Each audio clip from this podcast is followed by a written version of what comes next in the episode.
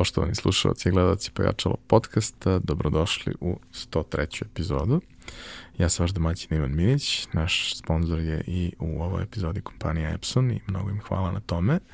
A danas uh, imamo malo dinamični podcast nego obično.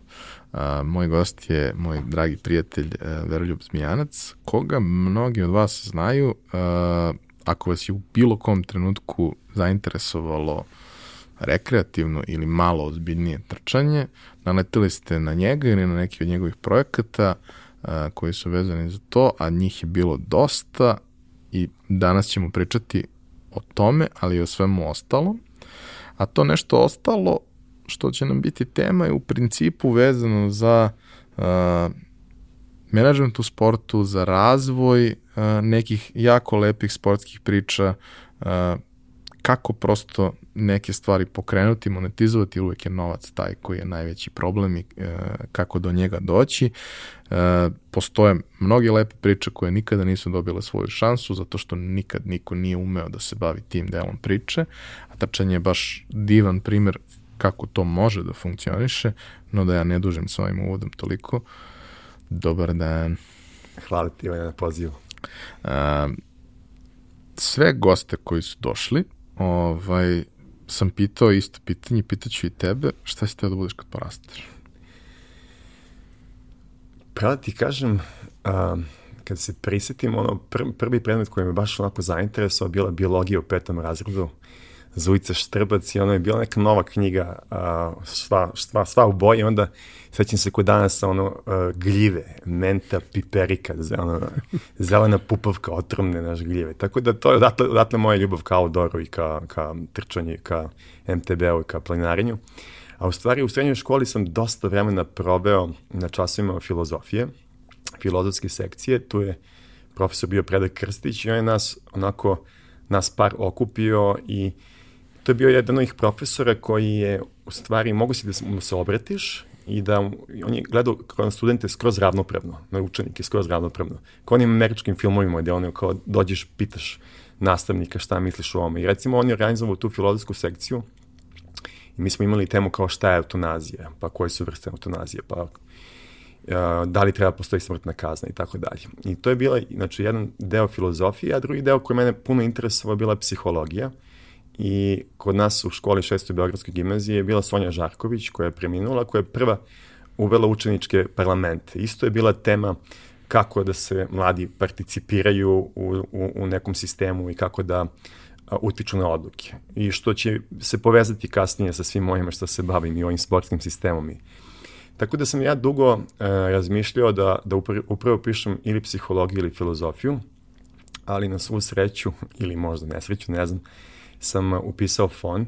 Zašto je to tako? Meni otac već smo imali Commodore 64 uh, u kući i naravno igrao sam igrice, ali tad je bio onaj programski jezik Basic, pa imamo 10 low, 2... Tako da sam vrlo brzo ušao računare i otac je uvek, nismo bili nešto bogati, ali otac uvek dao, znači da, da imamo knjige i da imamo kompjuter. Ja sam imao 486, pa onda Pentium, pa sve ona. Tako da sam se zavolao sam IT i, i bio sam dobar u tome i i otad sam upisao fon sa nekom idejom eto da budem inženjer i da, da, da, da, da studiram nešto što će biti kao moderni zanat. U tom vreme nije toliko bilo popularno programiranje.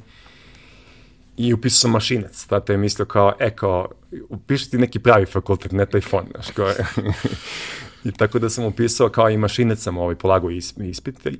Na fonu sam krenuo da programiram i eto, to je bila kao moja ideja da, da, da, da već, već u drugoj godini na ispitu programski jezici prevodioci, recimo ja sam držao kod Marka Petrovića, a, našeg profesora tad na fonu, a, sam držao laboratorijske vežbe, vežbe za studente iz četvrte godine. Tako da sam vrlo brzo bio dobar u tom Visual Studio, C Sharp, .NET i time sam krenuo da se bavim. Ali uvek je postojala ta neka ljubav. Čemu sve ovo? da, kao programiranje.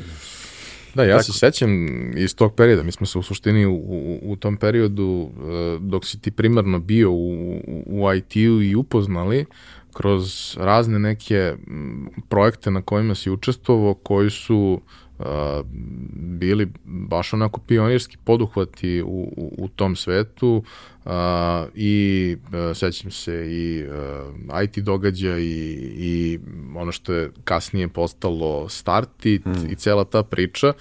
Ti si bio jedan od tih mladih ljudi koji su uh, uvideli potrebu da se o tome priča mnogo pre nego što je to postalo komercijalno interesantno, ali da se, da. da se vi niste tad uključili u to, ovaj, da se niste time bavili, pitanje da li bismo i kada bismo došli do, do ovoga danas. E, kako je to funkcionisalo? Pošto vidim iz svega da, e, pa i ovoga čime se sada baviš, da si uvek nekako voleo da se okružiš ljudima, da praviš neku vrstu e, zajednice, da na neki način probaš da kroz jedinstvo grupe ljudi praviš neku promenu u društvu. Hmm.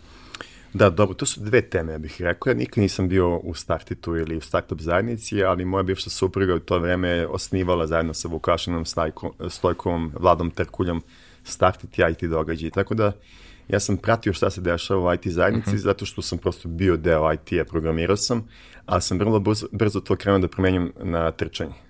I taj moment da sam ja ušao u neki svet gde su difovci koji nemaju toliko znanja jednostavno iz menadžmenta ili iz opšte marketinga, komunikacije, IT-a, ja sam ušao u to.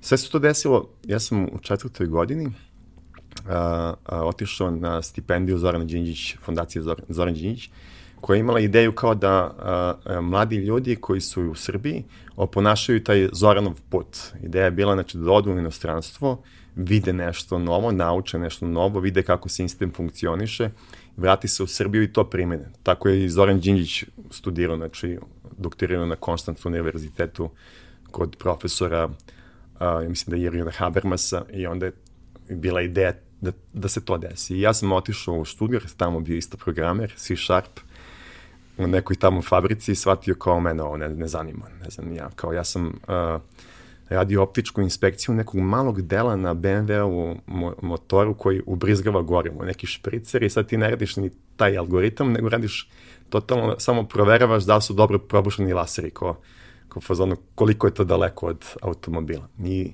želeo sam da se vratim i da, u stvari, tu ljubav koja trčanju koju sam tamo uh, uh, uvideo, prine, prenesem ovde, to mi je bilo. I, I onda sam otkucao ovde trčanje, trčanje sam otkucao u Google kad sam se vratio, vidio domen prazan, kao kupio domen. I krenuo da primenjujem ta, znači totalno iz neke hobističke priče, krenuo da primenjujem veoma slične principe koje se dešavalo u startup zajednici. to znači IT događaj, to je bilo trčanje resa, magazin o tome. Onda su, onda su startitu krenuli da rade meetupove. Nama je to u stvari bilo u stvari treninci E, onda su oni krenuli hubovi, pa smo mi napravili Runners Hub. Mi imamo prvi hub, jedini hub u ovom delu Evrope koji se stvari kao hub za trčanje, da ljudi mogu da dođu, da treniraju, ali da popiju sok i da se druže i da imaju predavanje. Izvini, molim te. Ovaj. I onda smo krenuli velike konferencije, to su bile nama trke.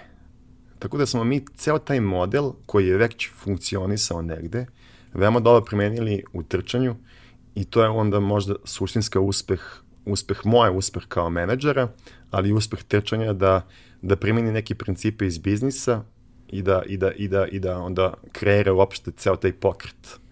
A pokret, ja volim da kažem da je start, startit i uopšte startup pokret, to je kada ljudi imaju istu misiju, ali različiti načini dolaze, različiti akteri podržavaju tu misiju i dolaze do, do, do, do tog zajedničke, zajedničkog, zajedničkog cilja. Tako da smo, eto, možda to bude tema kako smo mi ovaj, gledali na konkurenciju, kako smo u stvari podržavali druge da se razvijaju, kako bismo svi zajedno išli u istom pravcu. A kako si ti uopšte došao u neki ozbiljniji kontakt sa trčanjem? Hmm. Meni je trčanje kao, evo, čisto da kažem, ja nisam bio sportski tip, ja sam bio, ja sam imao asmu kao mali i uh, mene su moji roditelji gledali kao da li će on nikada ono moći, kao kad si mali, kada imaš dete koji ima asmu, oni ti kažu to je hronična bolest, to je neizlečiva bolest, to, to nikad neće proći. I onda samim tim i ti smanjiš očekivanja svoje dece. Tako da sam ja bio neko u poredici, moj brat je bio jako dobar, uspešan sportista, a ja sam bio neko ko je učio, štreber, ono, išao na faks. I onda smo mi trčali na, na sportskom centru Olimp kao 20 krugova, ko može da istrči 20 krugova. I ja sam otišao u Nemačku uh, sa drugarima, i sam trčao 20 krugova. To je bio kao, wow, baš si faca, to je 4 km. I kad sam došao u Nemačku i tu sam krenuo da se družim sa jednim Nemcem koji je to trenutku imao 4-4 godine i imali smo neku ekipu i on je mene pozvao na trčanje. I mi smo izašli i on je rekao idemo trčamo 10 km. Ono, nišćeg. I kao kako ne možeš, kao fazon, ja imam 4-4 godine, ti imaš sad 25 godina. I mi smo izašli i ja sam istrčao 10 km. I meni to bilo kao, wow, je. Kao, znači, kao, automatski, šta se tu desilo, koja je to poruka, automatski se podigao standard, šta, šta je normalno. I to je Nemačka. Nemačka. Nemačka. e, i onda, i onda sam išao, ali sećam se ko danas, znači ja sam trčao i ja sam u tom trenutku imao pumpicu u džepu, znači totalno kao sve nešto ne mogu da dišem, znaš. I onda on kao 44 godine i ovako trča Nemci i ovako susreće neku ženu koja je možda imala u tom trenutku 50-60 godina i oni kreću da kao trče i pričaju. A ja idem iza njih koji imam 25-6 godina i ne mogu da dišem. Iako gledaju me iza ovako, okriću se kao si dobro kao. Ja pomislim samo ovi, ovo Svarijevci, znaš, u fazonu, kao, kao fazonu, koji si ti bednik čoveče, znaš, kao u fazonu, imaš 25 godina, ovi, kao nemaš snage kao ovi ljudi, meni je to bio veliki šok. Kao, koji, I onda sam samo rekao, i to sam vidio posle kod Tonija Robinsa, ono, raise the standards. Znaš, podigni standard života koji želiš da živiš. I to je ta ljubav prema trčanju. Onda sam, naravno, iz ega rekao je kao, nećeš ga ti, a, ja ću da istrčem maraton, pošto ti nikad nisi trčao maraton tom mom prijatelju Raineru i študirte, onda sam ga pozvao, ajde da trčamo zajedno u Beogradu sledeće godine, dođe, bude gost i da, da trčamo Beogradski maraton i onda i odatle sam ja krenuo bukvalno da, da se spremam za maraton i, i to je bio veliki šok za sve zato što u tom trenutku ti nisi znao drugi ljude koji trče maraton. To je bilo nešto kao wow. Sad svako od nas zna nekog maratonca ili trkača. Ili makar polumaratonca, ali neko ko je krenuo da bude aktivan u toj celoj priči. Tako je. A kod mene je to bilo bukvalno tako što sam ja rekao mami, tati kao ja hoću da istračem maraton i oni su rekli kako ćeš ti sin, ti kao normalan. I ja sam da eto šest meseci se spremao po nekom programu Herberta Štefnija, nekog nemačkog eh, trenera i maratonca. Na nemačkom jeziku nije bilo online da nađeš kao kucaš program za maraton i skineš, ono, downloaduješ. I onda sam istučio taj maraton i moji roditelji ono su sačekali i ono su bili totalno kao sine, uspeo si, znaš, ono kao... Preživeo si. to je to kao, znaš. Pa da sam brati istrčao poslednjih 10 km u starkama i, i, i, i, i, i, i farmerkama i vidio kako sam ja loše, ostavio pivo, pivo na tošenom bonaru, ono kao platio, znaš, i koji istrčao sa mnom poslednjih 10 km. Toliko je bila strah uh, uh, da se meni nešto neće desiti. I onda kad sam to istrčao, to je bio neveratan moment za celu našu porodicu, zato što je onda brat odlučio da istrči i onda je on krenuo da trči i da, i da istrči maraton. Onda je Ćale sa 60 godina u tom trenutku rekao, hoću ja da trčim maraton. Istručao uh, 10 maratona sada, sa, znači sa 60 godina čovjek krene da trči. Onda je moja majka, koja je pokojna, ali koja je u tom trenutku poslednji put se uh, bavila sportom u srednjoj školi, uh, znači posle 50 godina uh, istrčala polumaraton. Ovaj, onda je Dragana isto tako, koja nije iz neke književne porodice, ona uopšte nije sportski tip, isto istrčala ona polumaraton. I onda smo bukvalno onako, stvorila se neka jako lepa energija oko tog trčanja i ja sam onda odlučio uh, da tu energiju stvarno treba podeliti i da to nešto što, što je što je stvarno, ne treba biti sebičan, nego treba to baš uraditi i, i dati, dati što, što više ljudi da to može. I ja, to je ljubav prema trčanju i odatle nastalo iz tog, iz tog izvora, iz, te, iz tog izvora dobre energije nastalo sve ovo što danas imamo. Kad kažeš uh, pripremati se za maraton, sad postoji hiljadu i jedno rešenje i aplikacije i svašta i gomila iskustava, tekstova, svega, međutim, to vreme kada si ti to počinjao, ovaj, se zainteresovao za to, to zaista nije bilo nešto što je bilo široko dostupno i mnogo je manji bio bila svest uopšte o tome. Mislim da verovatno ni situacija sa opremom je isto verovatno bila mnogo lošija i tako dalje.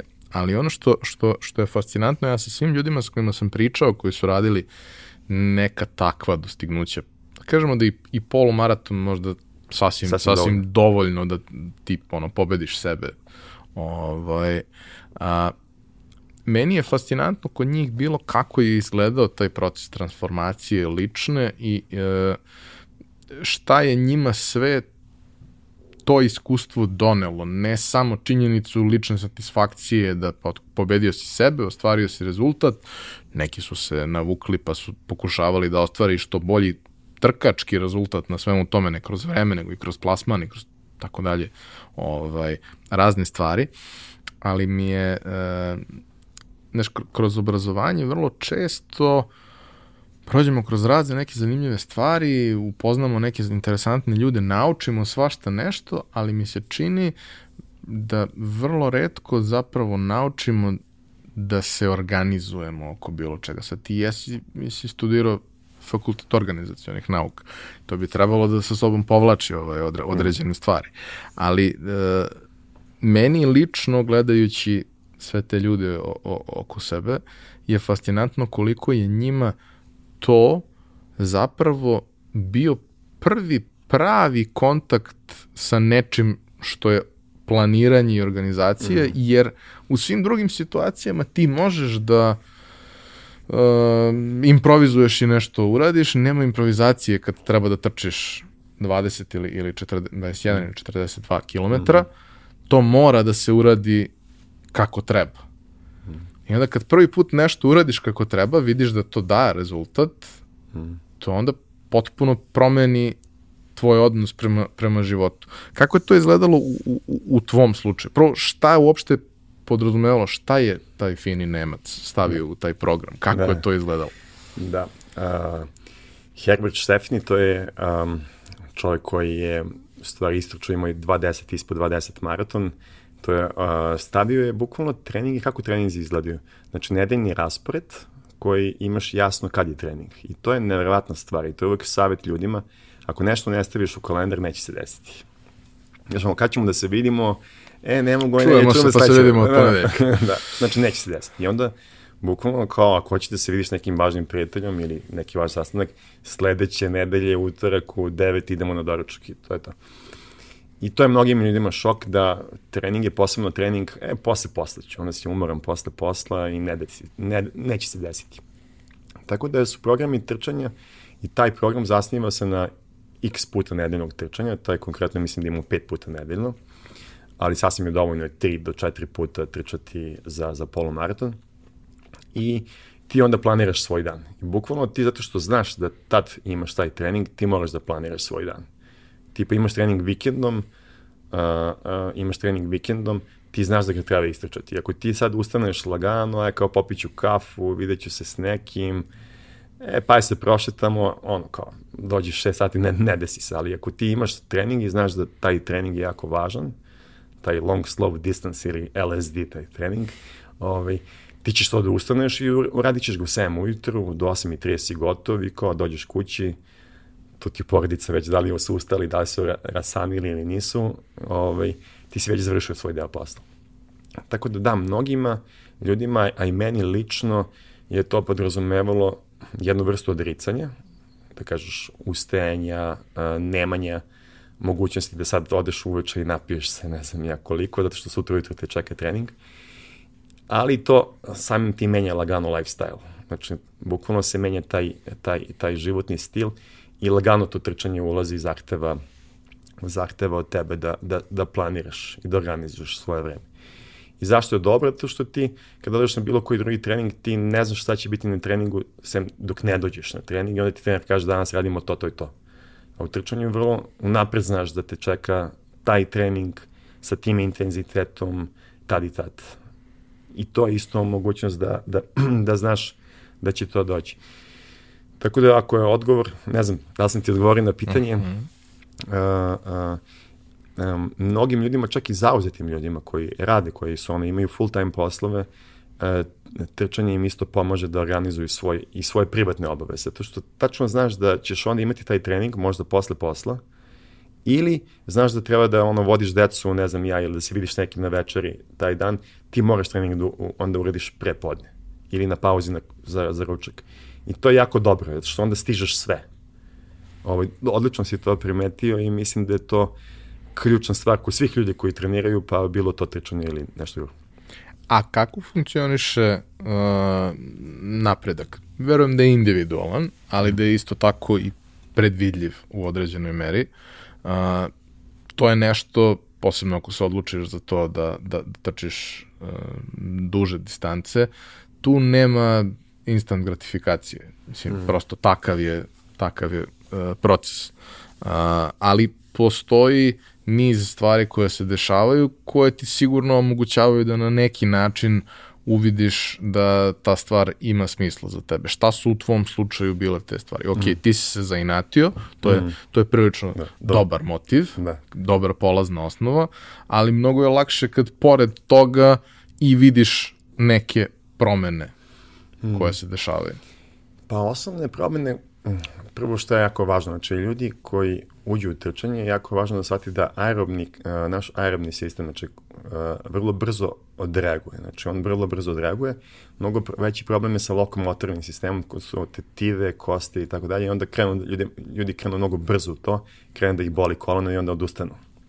Tako da je to, to je ja samo jedan komentar. A što tiče mene, um, što tiče tih efekata, mm, ne mogu sad da se setim, znaš, nisam ja nešto kao sad smršao mnogo brzo ili ne znam ja, znaš, kao čak posle sam ušao to da mnogo trčaš pa ti izgubiš i mišiće, kao nisam, nisam imao taj moment, ali ono što je mnogo lepo jeste taj uh, trkački životni stil, zato što sam ja uh, lagano krenuo da menjam svoje životne navike. I šta to znači?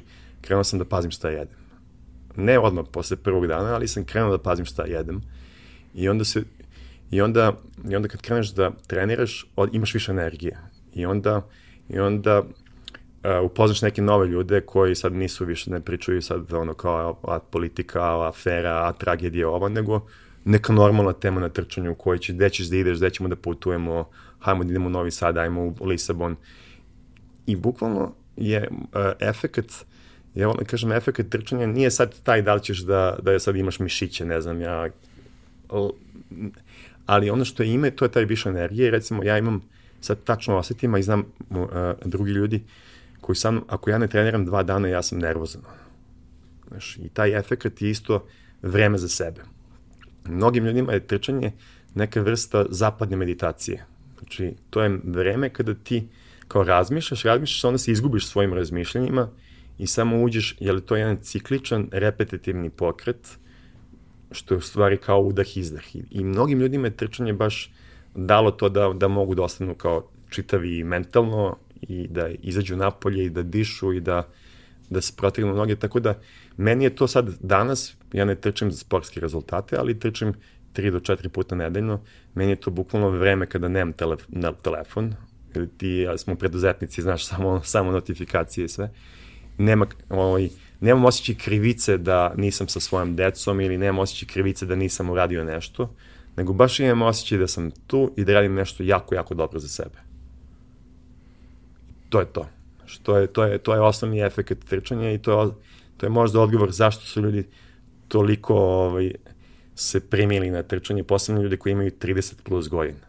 Jer dok si mlad, želiš da igraš sport, želiš da igraš sportske igre sa loptom, kasnije kad imaš 35 godina ili ne znam ja, nemaš vremena sad da organizuješ ekipu, bukvalno to je tvoj trening uh, koji ti neko napisao, koji te prati i Mislim da je, da je takođe uh, bitna stvar kad god ovaj, pričam o tome sa, sa ljudima, a često sam pričao jer kao i moj background je iz sporta, pa sam se ja onda prepustio nekim drugim stvarima što se ispostavilo prilično pogrešno, ali evo sad, znači, sad, sad je to dosta, dosta bolje odlično. nego što je bilo.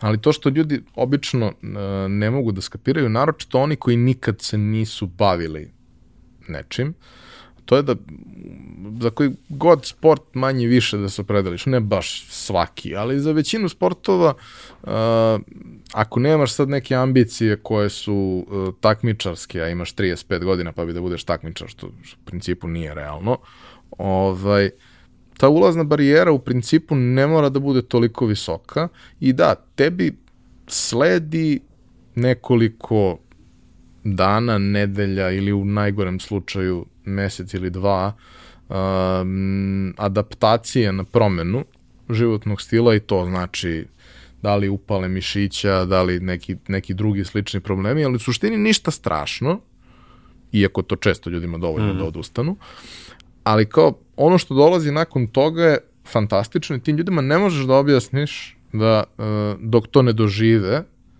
da ti kada ustaneš ujutru umoran, jer si loše spavao, jer stres i sve, i odeš i istreniraš, ti si nakon toga se osjećaš neuporedivo bolje. Mm. Kao kako je moguće ti si umoran?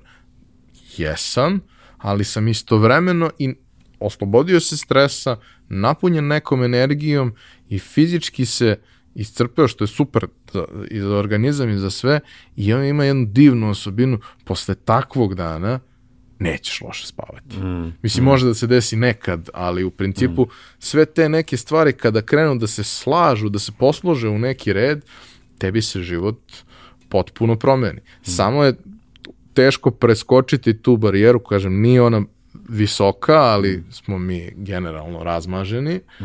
i vrlo često ljudi prvi put kada naiđu na nešto odustanu, a kod trčanja, posebno recimo ljudi koji su kretali u to bez ikakvog prethodnog iskustva, mm. uvek je problem ili izazov, kako ga, kako ga već ovaj, fremujemo, ali uvek je problem kad imaš nekog ko je bivši sportista ko više nije aktivan i to sve on zna da može. Mm. Samo ne može baš odmah. Da. Ali sad, ti sad njemu objasni da ne može baš odmah. Sve, da. Najviše povreda se desilo na futbolima i na košarkama nakon 10 godina. Znaš kao, ma šta, ma mogu ja, pa, pa mogo si nekad, ali sad ne može baš odmah. I onda ljudi koji, koji ulaze u to tako što se preforsiravaju i velike su šanse da naprave problem, a ljudi koji nemaju tu istoriju, mm Oni imaju neki program koji je uglavnom ono kreće od tih ono 5K ovaj, čuvenih ili 10, gde ulaz u tako nešto prilično basic mm. i nije namenjen tome da ti posle prvog treninga ne možeš da hodaš narednih mm. sedam dana, nego da posle dva dana možeš da uradiš i drugi trening. Mm. I da lagano, korak po korak, vrlo često ono, slušajući podcaste i tako dalje, ti ni ne osetiš da si stigao do tog nečega što ti je prvi milestone. Sad mm. neko hoće više, neko hoće manje. I to mi se nekako čini da, da, da, da, je, možda, da je možda vrlo bitno. Kod svih sportskih aktivnosti koje su timske, upravo je najveći problem napraviti stalnu ekipu, dogovor. Čak i da imaš termin, dovoljno je jedna osoba da, mm. da ne dođe, pa imaš problem. Mm. A ovde, čak i ako ne dođe cela ekipa koja se dogovorila trči zajedno, nema veze. Možeš i sam, a možeš i u nekom manjem društvu. E sad, a, to možeš danas. Hmm. Kad si ti počinjao, bilo je mnogo manje ljudi koji su mm. uopšte bili, bili aktivni što mm. se hmm. toga tiče mnogo manje znanja o svemu tome. Mm. Kako je to izgledalo kad ti sad gledaš unazad? Ti si odlučio da formiraš trčanje RS, imao si neku ideju iza toga kako da prosto deliš neka svoje iskustva, pa onda i, i sve što uz to ide. Ali kako je, kako je izgledalo kad si počeo da dobijaš neki feedback hmm. na to? Odlično si ovo rekao. Ovaj, bukvalno si ubo suštinu vezano za, za, za kako ljudi ne, ne, uh, ne odlučuju da krenu i uh, kada, kada odluče kako brzo odustanu. I nama je to upravo bilo ideja sa trčanje RS. U jednom trenutku se dobili smo komentar od uh, uh, username Marija, kao, hajmo da se vidimo, ovaj, da kao trčimo zajedno na sajtu. I mi smo rekli, hajmo da napravimo prvi trening, to je prvo zajedničko trčanje, to nije bio trening, nije bio trenera, nego zajedničko trčanje i ljubitelja trčanja, Nadi Ciganli. I stvarno se pojavilo 5-6 ljudi i Marija Radovanović, koja je kasnije bila i moja mentorka i koja radi u Nemačkoj organizaciji za međunarodnu saradnju, koja je nama uopšte ubacila ubacila nas u, u, u, u tu priču nevladinih organizacija, pisanje projekata, šta su ciljevi, šta su aktivnosti, sve ono što i danas manje više radi. I onda smo mi uh, krenuli da redovno organizujemo treninge, te zajedničke trčanje, ali smo videli da se ljudi neće odazvati. Zašto? Pa jednostavno ljudi su se plašili da dođu u neku zajednicu koja je već kao, mi smo trkači, a ti nisi trkač i kao, gde ću ja da dođem, znaš kao. tamo su neki profesionalni trkači, upravo taj strah. Strah da budeš poslednji. Da li ću biti poslednji? To je bilo najčešće pitanje. Da li ću ja biti poslednji? I to je mnogima ljudima bilo problem da idu na trku, da su se plašili da budu poslednji. A onda i ovima koji su bili bolji, bilo je dosadno kao da trče zajedno sa ovima koji su, uh, koji su sami. I onda smo mi u jednom trenutku, kao sajt trčanja, RS rekli, hajmo napravimo pripreme za Beogradski maraton i da napišemo program. I stvarno smo napisali program, ljudi su došli i opet nije, ima, mi mi kažemo trči 10 km sad ovde. I ljudima bilo dosadno i kao neke stanu na petom kilometru, pa ne znam šta da rade, pa ne znam kom brzinom da krenu. Tako da smo mi shvatili da ljudima, da bi stvorili trkače, treba im mnogo veće mnogo veća podrška i zato smo rekli, hajmo da to formiramo u formi usluge koja ima svoju cenu i koja, koja ima svoju, koja, svoj, koja ima svoju funkcionalnost. To je trener, trening program, grupa za trčanje, uh, uh, saveti o, edu, o edukacije. I mi smo napravili školu trčanja. I, I škola trčanja u tom trenutku je danas kad kažeš ljudima kao šta učiš ljude da, da kao da trče. Mislim kao to je jedan komentar kao, kao već svi znamo da trčimo kao naravno kao šta imaš da me učiš. Skoro niko ne zna da trči. Da. Ovi, a drugi su bili u fazonu kao, kao evo ga veroljub iz marketinga, sad će ljudima da proda trčanje kao naš kao fazonu ovaj, kao nemoguće stvari. Ali šta je problem? Taj, taj program je upravo bio taj da postoji mogućnost da ti dođeš, da te neko testira uh, koliko možeš da, da trčiš, da te stavi u neku grupu i da ti kroz niz, niz uh, uh, treninga koji kreću već od ono 200 metara hodanja, 200 metara trčanja. Da te ubaci uh, a, u, u trening program. I mi smo shvatili da za četiri meseca koliko traja škola, a, sad već imamo toliko znanja, to su naravno i moji partneri, a i treneri sa DIF-a, mi možemo da nekog, o zavisnosti njegove kondicije, da pripremamo za 10 km, što je sigurno, ili 21 km polumaraton, što ne žurimo ka tome. Ranije smo obećavali da za 6 meseci možeš da završiš kao polumaraton, maraton ovaj, to je bilo neko naše iskustvo, ali sada smo ušli mnogo, mnogo sporije u to i, i pojenta svega je to da smo smanjili barijeru ljudima da se bave trčanjem. I kroz te sajt, tekstove na sajtu, ali i kroz taj, tu našu uslugu u Beogradskom trkačkom klubu, ljudi imaju mogućnost da sada ono, da se prijeve i da ono ne razmišljaju više i da jednostavno nemaš ni vremena da razmišljaš da sad skidaš programe, da, da, nego si došao tu i dao si poverenje nekome i tebe taj neko spremio da, da završiš 10 km i polumaraton. A, kad kažeš znanje koje je tu neophodno, a, ti si prošao svoju priču kroz ono što si našao od, od dostupnih resursa, vremenom si se upućivao, usavršavao, upoznavao ljude i prosto sada je to znanje neuporedivo veće, a neophodno je da bi uopšte mogao da, da celu priču razvijaš, ali kako, e, kako nekom ko e, se zainteresuje za tako nešto, danas najbolje da se informiše. Šta je, znaš, ok, početak treba da bude, početak akcije treba da bude tako što će zakazati trening ili pridružiti se mm. uh, klubu. Ali od čega treba da kreni, koje su neke koja su neka predubeđenja koja možda treba da pobedi u sebi, na koja pitanja sebi treba da odgovori da bi ta priča za, za tu osobu imala smisla. Mm.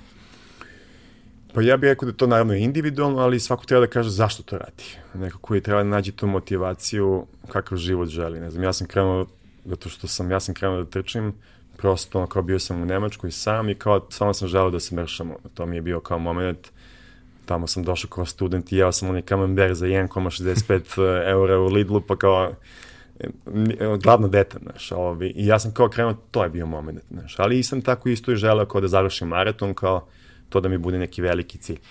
Tako da svako treba da krene odatle i da onda kaže samo jednostavno uh, uh, da se otvori za novo iskustvo, ja bih tako rekao. Zato što trčanje je stvarno nešto što svi kažu da trčanje je dosadno. Mogu sve, samo ne mogu da trčim. Ali nije, trčanje je uh, uh, stvarno, stvarno uh, stvarno kao moment uh, jako lepo ljudi ostaju u tome zato što imaš stalno neke nove ciljeve i imaš uvek ti kad treniraš, ne znam ja, crossfit, ne ideš na takmičenje. Ti kad ideš u teretanu, ti ne ideš, nemaš taj moment kulminacije prolaska kroz cilj ili negde odlaziš pa dobiješ medalju ili, ili proputuješ ceo svet ili, ili ono što se odlučiš. Tako da ta predube, predubeđenje, ja, ja bih rekao da ovaj, trčanje nije dosadno, nego čak može da bude i zabavno. To bi, ovaj, to bi prva stvar rekao. A, nije teško, mi učimo a, ljude da, a, da a, trče sporo i naša osnovna stvar recimo i uopšte kad pričamo o trčanju, kreni toliko da ti bude sporo da možeš da pričaš. Jer ti kad bi izašao sad napolje, ti bi krenuo neki ono, jako i onda bi krenuo, umaraš se i tebi to postaje mnogo teško. Ali ako bi samo mesec dana izdržao da to bude jako lagan jogging, to bi, ovaj, to bi, to bi, um, to bi, ovaj, uh, to bi bilo nešto što je prihvatljivo i krenuo bi, ušao bi u tome i onda bi osetio, posle nekih par meseci ti osetiš samo kako telo ide. Ja to volim da kažem kako ide. I samo te osjećaj kako, kako kreni, taj osjećaj neverovatne moći u svom telu je ono, ne znam, nešto, nepono, ne, nešto toko moćno. Tako da, eto, možda bi to bili neki saveti sada ovaj, za, za, za, za nove trkače. Uh, kada kažeš da je to prilika da, da obiđeš svet, mm. ja takođe znam dosta ljudi koji su uh, kada su razvili tu neku svoju trkačku priču do, do nivoa nekog ozbiljnijeg učešća na trkama, ovaj, zaista krenuli prvo, ne znam, po regionu, ali onda krenuli da se takmiče ozbiljnije. Naravno, većina tih ljudi nisu neko ko juri sad nekakav rezultat, normu da se kvalifikuje, ali ima i takvih slučajeva mm. i, i čak i u takvim slučajevima godine nisu bile neki presudan faktor da to moraju da budu nužno jako mladi ljudi i tako mm. dalje. Ovaj, ali uh, mislim da ta iskustva uh,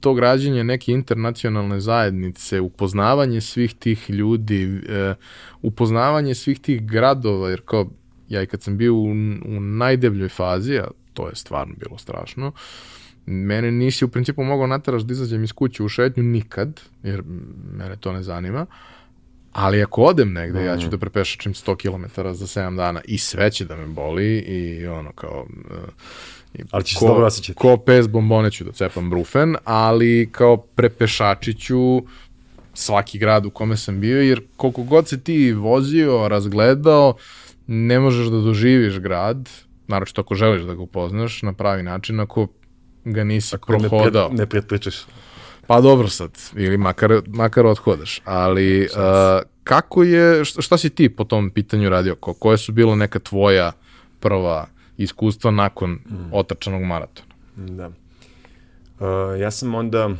odlučio da naravno idemo u Lisabon, to mi je bio prva trka i to mi je pomogao Vlada Milentijević, ovaj Vlada Zaplet, sećam uh -huh. se, znači ono, kao sa tim putem i stvarno je ovaj, ispo, skroz, skroz kao imali smo saradnju kao moj sajt i, i, i zaplet.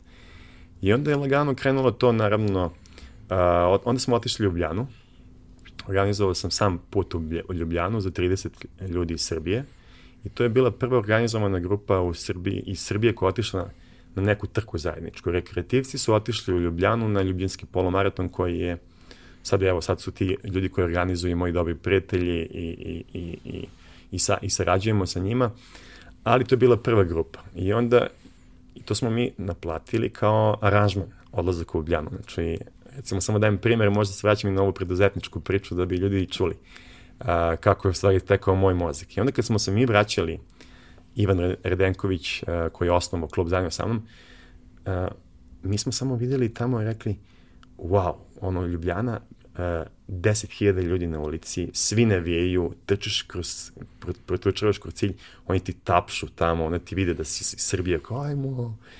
E, to je bilo, nama to bilo kao, čovječe, šta je ovo, znaš, kao, ono, kao, ceo grad živi za to, zatvorene ulice. Kod nas u Beogradu u tom trenutku je bilo kao, šta zatvarate taj maraton, kao, ne možemo da prođemo kolima, znaš, to je, dugo bilo, to više nije tako, ali dugo je bilo to kao... A, zavisi koga pitaš. Da. Ali to u Ljubljani je bilo onda gradonačelnik Ljubljani Zoran Janković ti baca petakle na cilju, znaš, kao ti prođeš, ne pomisliš ovde da kad bi se desilo tako, znaš, kao, ali nezamislive stvari ovi, kako je taj grad živeo i dalje živi, zato oni imaju 16.000 ljudi, oni su najveća trka u, u ovom delu Evrope, ali jedan od najvećih trka u Evropi. I mi kad smo se vratili, mi smo rekli, ovo je to, to je to. Kao, kao, kao klinci kad odu na exit, vjerojatno, pa kao, hoćemo da pravimo svoj festival, ili kao, ovaj, hoćemo da budem DJ, ili, ili, tako da smo mi odlučili da napravimo klub u tom trenutku. I fast forward 10 godina, evo, prošle godine uh, uh, Srbija imala najveći broj trkača posle Hrvata, znači koji su išli u Ljubljanu. I imala je preko preko 10, ja bih rekao, organizovanih grupa iz cele Srbije koji su išli autobusima za, nije, možda se slago, ali pet grupa sigurno koji su imali svoje aranžmane vamo. I recimo fast forward, u Srbiji postoje dve specializovane turističke agencije koje se bave a, maratonskim turizmom, znači trkičkim turizmom koji te vode, možda uplatiš sada da te neko vodi na Kina maraton ili da uplatiš sada i da dobiješ kartu za njurški maraton. To je nezamislivo. Znači, od tih 30 ljudi koji kao po prvi put vade pasoš te godine, kao, znači, ljudi nisu putovali, nemaš ni pasoš, kao... Dobro, da, to je takvo vreme bilo. Pred 12 godina, da. I onda, ovi, tako da, te trke su ono samim tim ušle i onda sam dugo vremena samo išao na trke i posjećivao druge gradove samo da bi trčao. Znači, uopšte nisam mogao da ne, zamislimo, mi je bilo da kao idem negde kao, eto tako idemo, nego idem baš na maraton i onda je to način da, da opravdaš sebi to putovanje i da upoznaš tamo neke ljude i onda smo recimo u Berlinu, taj bio Bridge the Gap pokret, uh, kasnije recimo Belgrade Urban Running Team, Bartovci su nastali iz toga. Ovaj, mi smo tamo bili u tom Berlinu i to su ekipa koja iz celog sveta, iz Londona, Njujorka, uh, Black Roses iz Njujorka, pa recimo ta ekipa Bridge the Gap, ovaj, uh, uh, Charlie Dark iz Londona, neki, sad su bili neki poets i kao DJ i ne znam ja, znači neki umetnici. I meni je to bio šok isto. Mi smo došli tu i kao mi nešto sedimo, završimo trku i oni iznajme ceo na, na kraju berlinskog polomarata neki jako lep kafić, ono, sa, ono, skroz na, na cilju, voli. Ja dolazim i neki lik Steve Dutko ovako sedi pored mene kao desi, brate, kao šta ima, kao dakle si ti, desi, kao šta ćeš ti piješ? I on kaže, on uzima, kao daj mi kafu i kao daj mi dupli neki bourbon, kao. Eko, vrate, kako ćeš da piješ posle trke? Znači, mi smo završili trku i, i onda samo vidiš masa ljudi koje cirka, zezanje, znači, ono, žurka, automatski kreće.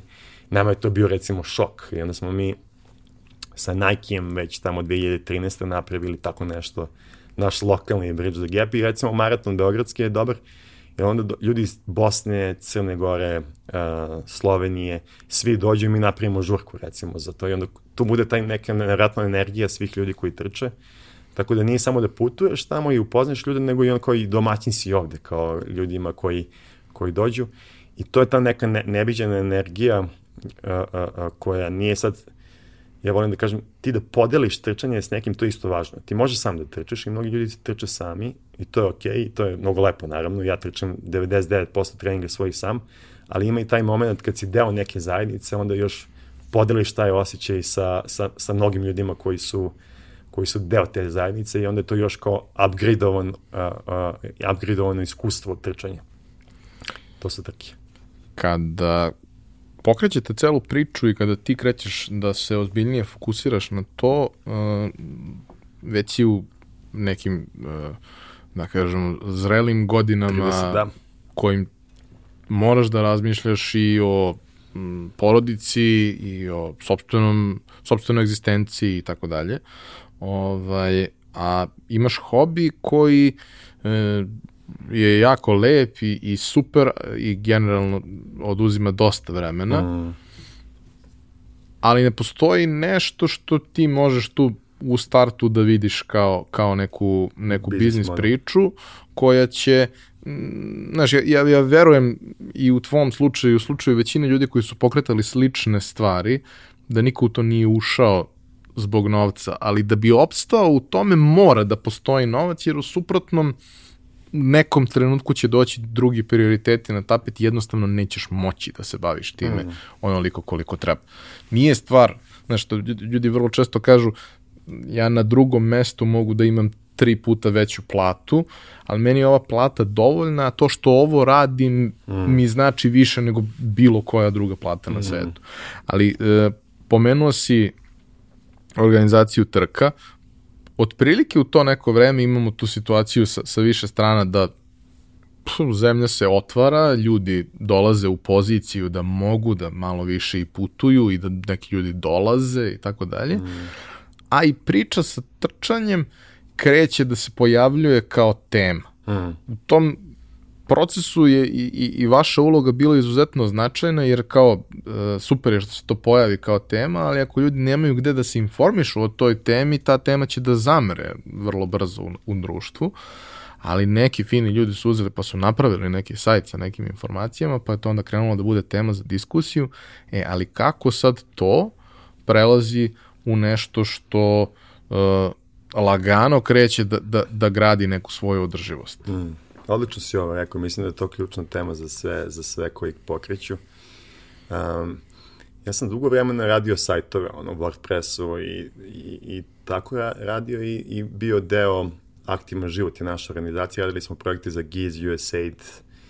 I mi smo vremenom shvatili da ono, imati to projektno finansiranje je jako teško i ono, moraš svaki sandvič da opravdaš i ne možeš da se razviješ na, na, tom, na, tom, na tom nivou a vrlo brzo sam shvatio da ja želim da se bavim time. I ja sam bukvalno tražio biznis model, mi smo mnogo vremena potrošili da nađemo uh, kako, da, kako da u stvari mi budemo održivi.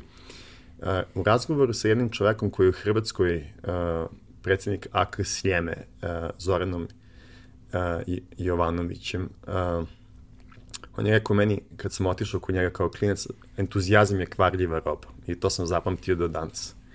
To znači da u jednom trenutku entuzijazam nestane. I onda smo mi stalno pitali uh, kako da nađemo novac i recimo i klub i ta usluga sa tom članarinom uh, koji danas radimo je bio moment da mi stvarno imamo neki siguran prihod koji će da, dati mogućnost da uopšte angažujemo trenere, da se, da se mi angažujemo. I to je bio veliki šok ono, u Srbiji, čisto ono, da kažem, ljudi koji su me tada ono komentarima ispljuvali ono najgore šta vi radite, kao jeste vi normalni, to je bilo ono kao totalno nezamislivo u tom trenutku da postoji trkački klub. Kao da neko naplaćuje trčanje tako kao real svetlosti kao... Da, da, to ne, je za svakome dostupno, znaš, ali kogod ima dete ili je bio dete, zna da ako dete treba da ide na košarku ili bilo šta slično, to košta neki novac, pa mm. tako isto i ako treba da ideš sa nekim stručnim licem da nešto radiš, tako je. to podrazumeva određene troškove. Tako je. Tako da smo mi ušli u klub, to je bio, da kažemo, prvi, mislim, čisto za sajt. U tom vreme, evo, moram da spomenem, BizBuzz bilo je priča niša web sajtovi, kako imaš niša marketing, uh, Dragan Varagić i ta ekipa, ti se domi kako ćeš da napraviš novac. Ja sam samo bio ubeđen da ću na trčanje RS da ono kao, tu neki baneri stoje, ja sedim negde u, u nekom negde na nekom moru, imam laptop, pišem tekstovi, kao baneri tu, ja živim lepo, kao ja, ja sam tako zamišljao život, nešto. Tako je bilo neko vreme kao oglašavanje, to smo zamislili. Ali toga nije bilo i, i, i danas website je najgori naš, da kažem najgori, naj, naj, najmanji profitabilan biznis je samo oglašavanje. Tako da smo krenuli to, uh, uh, uh, organizaciju rada kluba i klub se vremenom širio i tražio svoj model i ja sam dva put izlazio iz kluba, rekao sam više, ne mogu više ovim da se bavim, bukvalno sam rekao kao prepuštam sve, nema kinte, uh, ovo kao šta radim ja, kao imam, dete mi je na putu, kao trebam da se bavim, ne znam ja. Tako da sam ja mnogo puta imao taj moment da, da odustanem. I, I dva puta sam stvarno odustao od sve cele priče. Nije bilo tako jednostavno.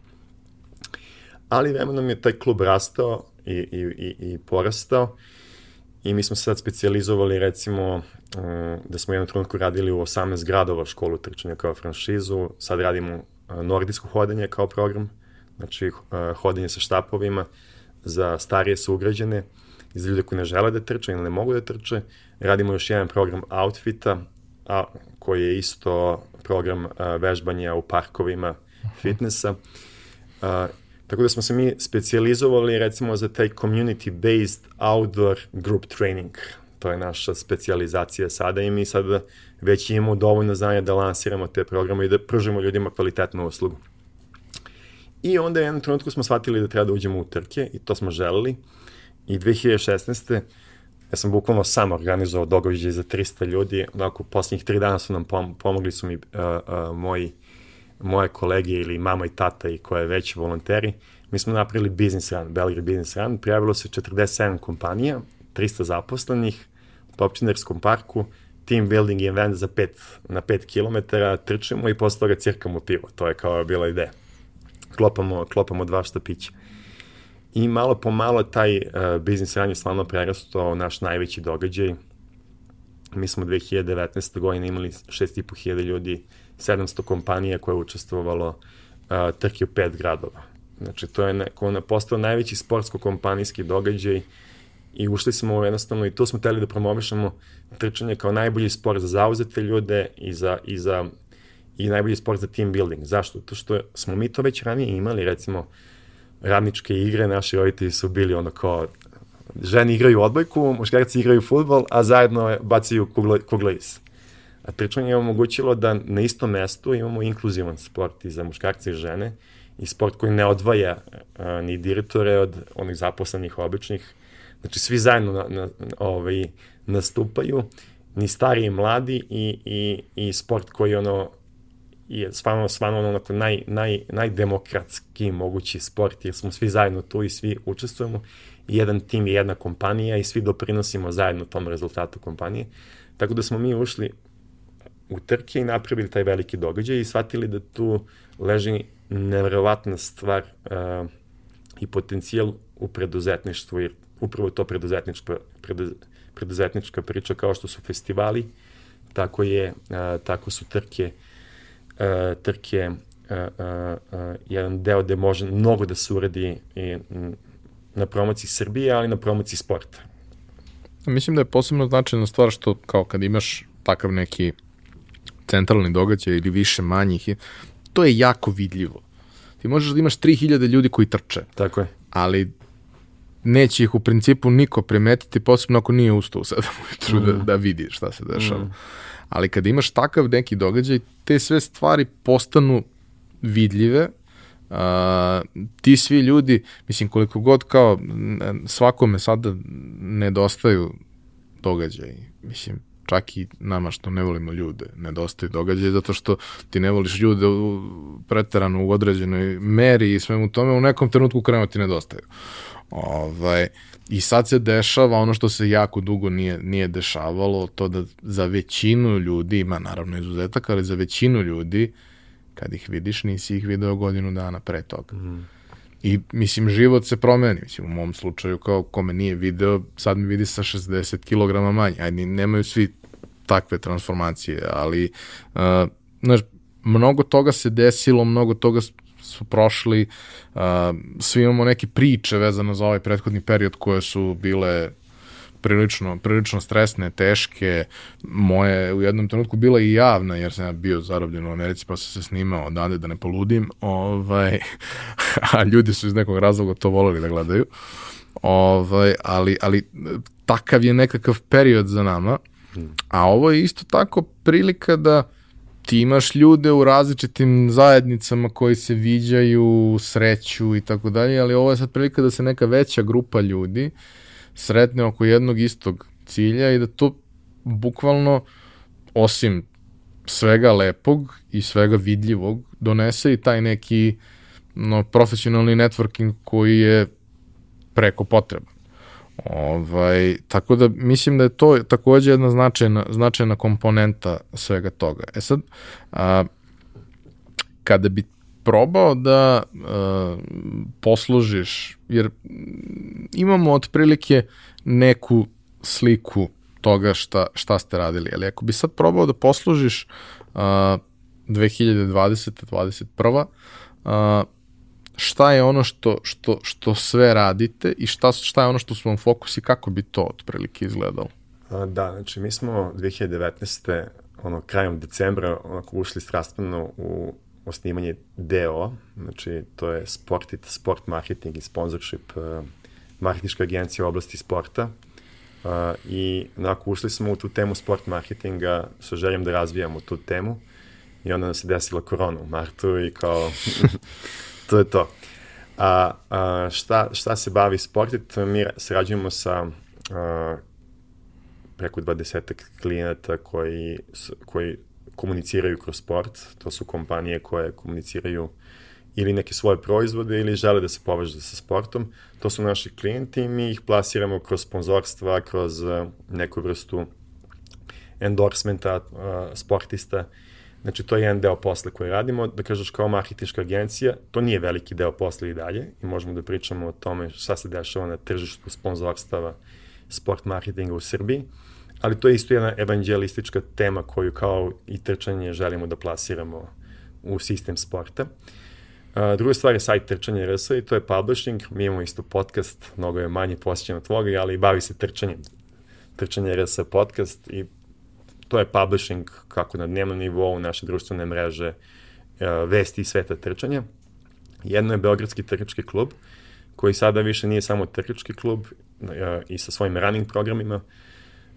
Mi tu sad imamo školu trčanja, maraton akademiju, trail grupu za trčanje po brdima i, i napolju, imamo triatlon tim, imamo sada i je prvi profesionalni tim atletičara a, koji su u stvari, a, imamo četiri nevratna talenta koji su a, pokušavaju da se plasiraju i ognjen za, za Tokio, a mali Milan Mitrović, nadam se kasnije i za Pariz i za Los Angeles da će ići na olimpijski igre, znači ušli smo i to i deo atletike.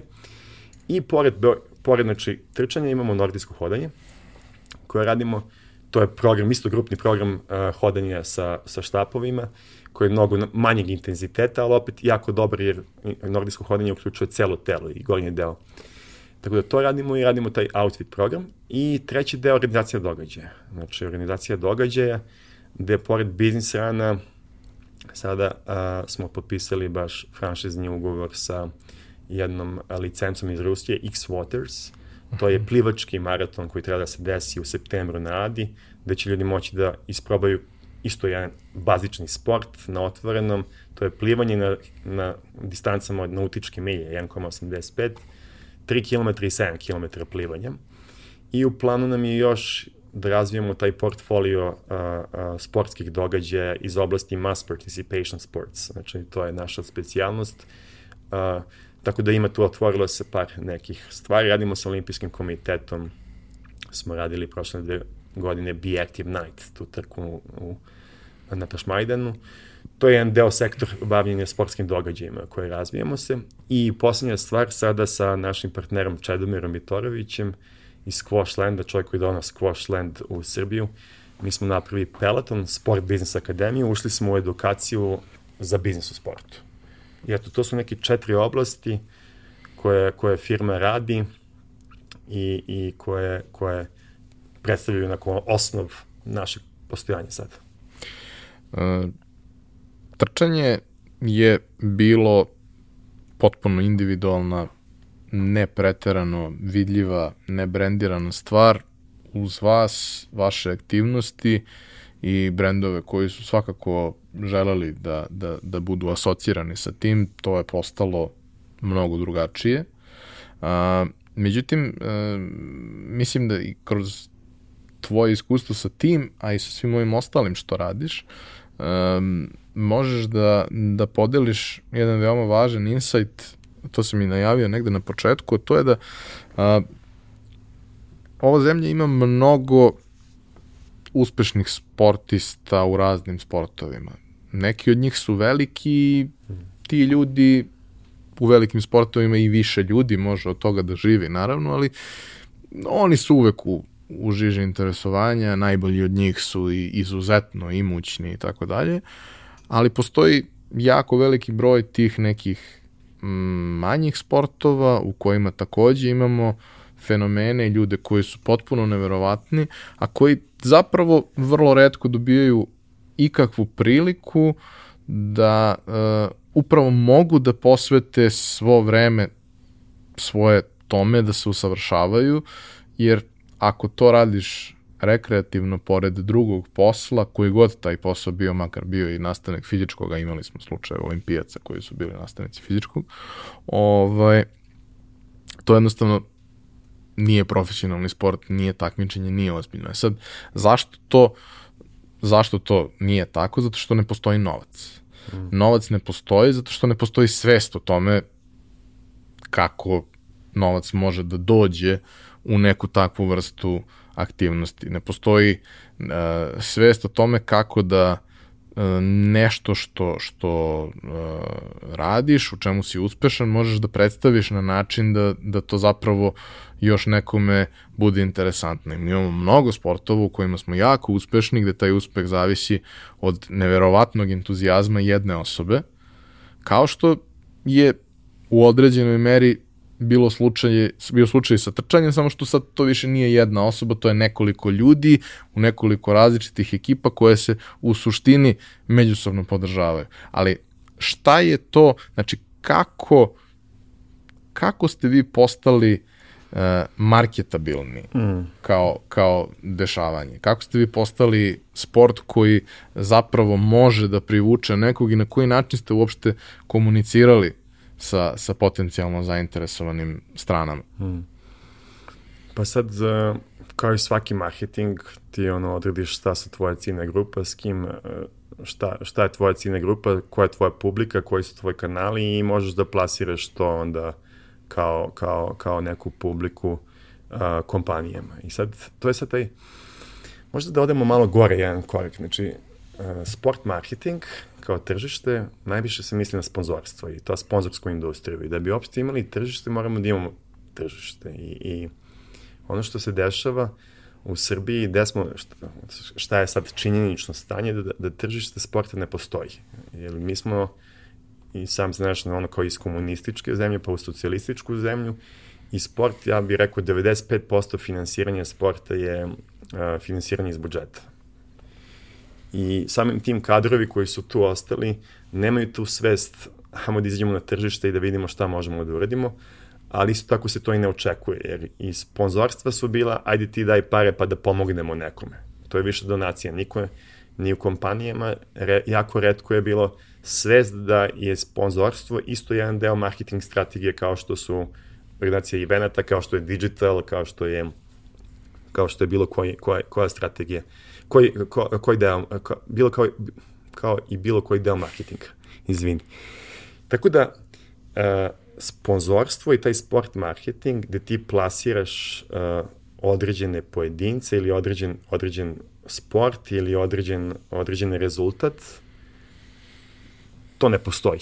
Suštinski ne postoji. Ja se sećam, evo sad, baš se sećam, uh, Novakov otac, Srđan Đoković, i imao jedan klip gde on kaže nemojte da nam date pare, ne tražimo vam pare, nego uložite. Znaš šta je klip? Uh mhm. -huh. Uložite u Novak. Znači on je rekao, izlazi na tržište sa proizvodom koji se zove Novak Đoković, koji je u tom trenutku talent, vi dajte pare da bi on mogo da jede, pije, putuje, trenira i vama će se to vratiti.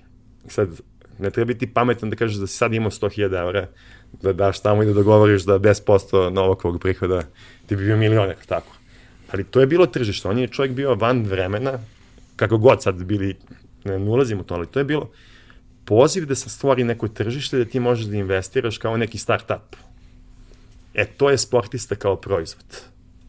I to, ko, ko može da razume sad ovo, mislim, o čemu pričamo. Ni u tom trenutku, a i sad je slično vreme. A ti to možeš da razumeš na nivou ako imaš Novaka, onda ćeš da gledaš ostale klince koji treniraju tenis. Znaš, ko je 20 godina kasnije naredni Novak, a Novak je udar groma i u principu... Dobro, ali ti imaš neki rizik da investiraš u nekog sportistu, da ga podržiš i da kažeš hoću da se vežem ja kao velika kompanija za, za, za to, hoću dugoročno da se vežem za to. I to radi Olimpijski komitet Srbije. Znači ti sad kada si uh, razgovoru sa, sa, sa ljudima iz Olimpijskog i Damir Štajner je naš i, i zajednički prijatelj, ti shvatiš da, da a, za vrhunske rezultate, kad dođeš na taj nivo, ti im, ima novca. Znači, jednostavno njima je pokriveno a, a, sve što je potrebno da ostvare vrhunski rezultat. Ali mnogo problem taj moment a, prethodni dok ti nisi pobedio na evropskom šampionatu, dok ti nisi ušao u taj zaslužni rang da te neko primeti. I tu, i tu jeste ta baza, jeste taj gra, grassroot sport, što zovemo, taj sport od ozdole. I to nije nigde, ni u svetu nije sad kao da ima mnogo para. Ne znam, ja u triatlonu, evo ne znam, primjer iz triatlona, svi ti ljudi tamo, čak i ti najveći, ono, žive jako, jako skromno za uslove koje bi mi smo rekli kao, ni, no, ljudi jednostavno treniraju puno uh, i, i jednostavno žive skromno. Tako da, tako da je sad tu a, tema je kako da napravimo dobre rezultate a, a, sa, sa, sa tim trenerima koje imamo i sa tom količinom novca, a da opet, naravno, radimo na, na edukaciji tih ljudi koji su u tim bazičnom sportu, koji dolaze do tog nekog nivoa, da budu svesni marketinški i da mogu da plasiraju nekog sportistu koji nije, nije top topova. Znači, ne, Ivan Španović ne treba sad marketing uh, uh, menadžer, jednostavno svako je zove, ne znam ja, ali eto, pričali smo o Galebu, Tekvondu, kako, kako je to dobar primer entuzijazma i kako je to dobar primer uh, jednog evanđelističkog pristupa čoveka koji je ono i prodao sve da bi, da bi ostvario rezultat.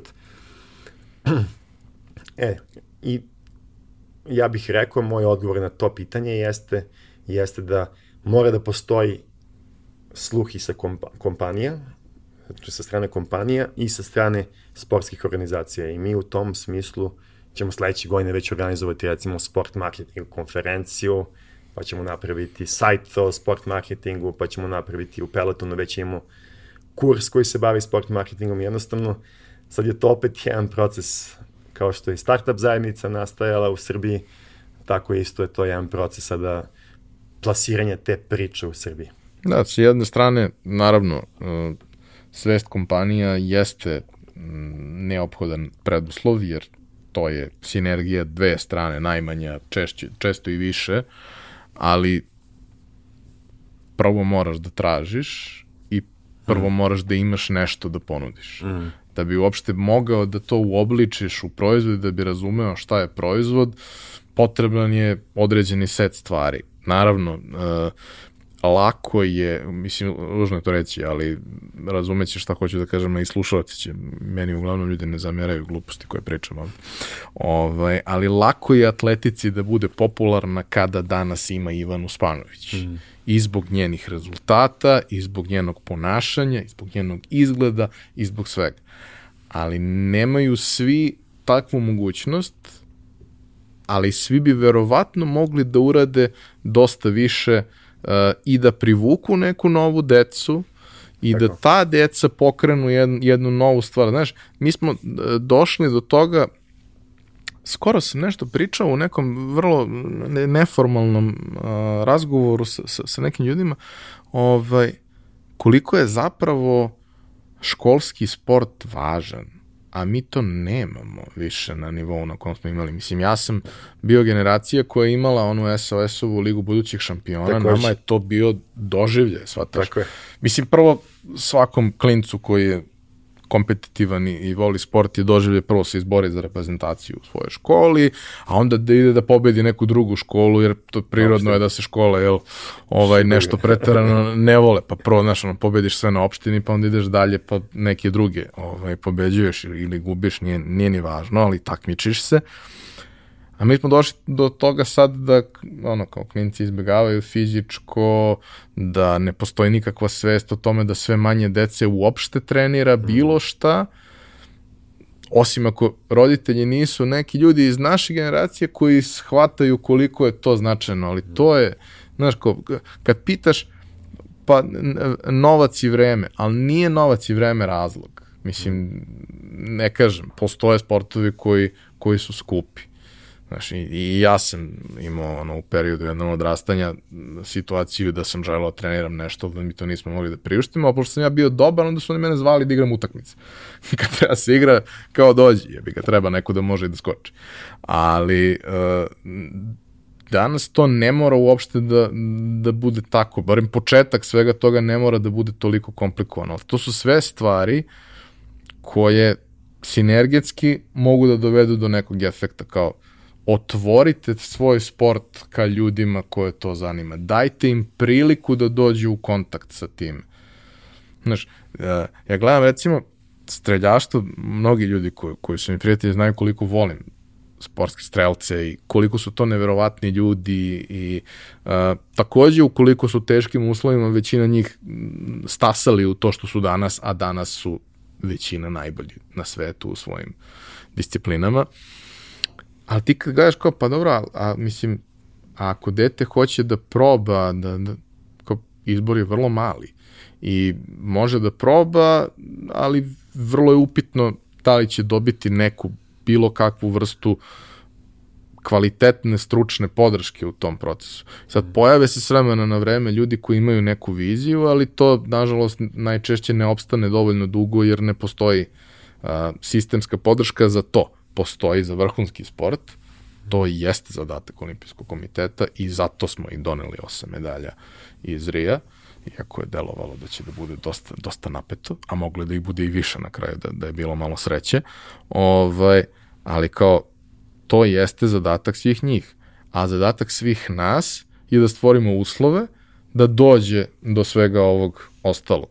Trčanje da, kao, kao pokret je zapravo paralelna institucija. Vi nemate veze sa atletikom, klasično. Tako je. Tako je. Ali ste prilično dobar zamajac za sve bazične sportove i sve ostalo, jer osoba koja trči će odvesti svoje dete na sport.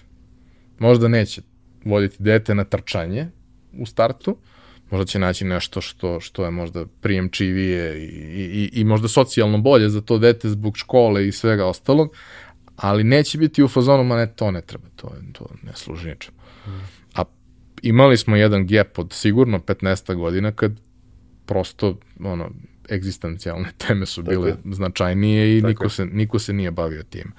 A, kroz akademiju na kojoj e, si radio već neko malo duže vreme i došli ste u fazu da, da krećete sa, sa celom pričom i da imate a, vrlo a, zanimljiv početni program koji će se dalje razvijeti i ljude koji će u tome učestvovati. A, pomenuo si to, a volao bih da, da proširiš malo priču na to koji su sve tu programi i šta je zapravo ideja koja, koja stoji da. za toga? Um, možda bi samo, pre nego to što ti kažem, ovo vezano za školski sport, koji ne znam uh mhm. -huh. mnogo, ali ima ovaj Innovators Dilemma, on, pojem on je Value Network, gde se stvara i vrednosti. Možda samo jedan primer kako, je, kako, se promenile, kako su stvari promenile. Recimo, Beogradski maraton, to ljudi ne znaju, on je bio besplatan mnogo dugo vremena. Zašto je bio besplatan? Zato što je je novac za njegovo održavanje davao grad, ministarstvo, kao i jednostavno samim tim je za učesnike bio besplatan. I, a ja uvek volim da kažem u, u srpskom sportu, ono, i, ali generalno gledaj gde novac i prati tok novca i ti ćeš doći gde se stvara vrednost. I ako tebi non stop uh, novac dolazi iz budžeta, ti želiš da zadovoljiš ljude koji tebi daju novac i da to bude dobar PR i da to bude i da to bude a, jako lepo da se vidi, ali sami korisnici ako ne daju novac, nemaju, ono, znaš i samo, ako nešto besplatno, ne možeš ni da ga ceniš.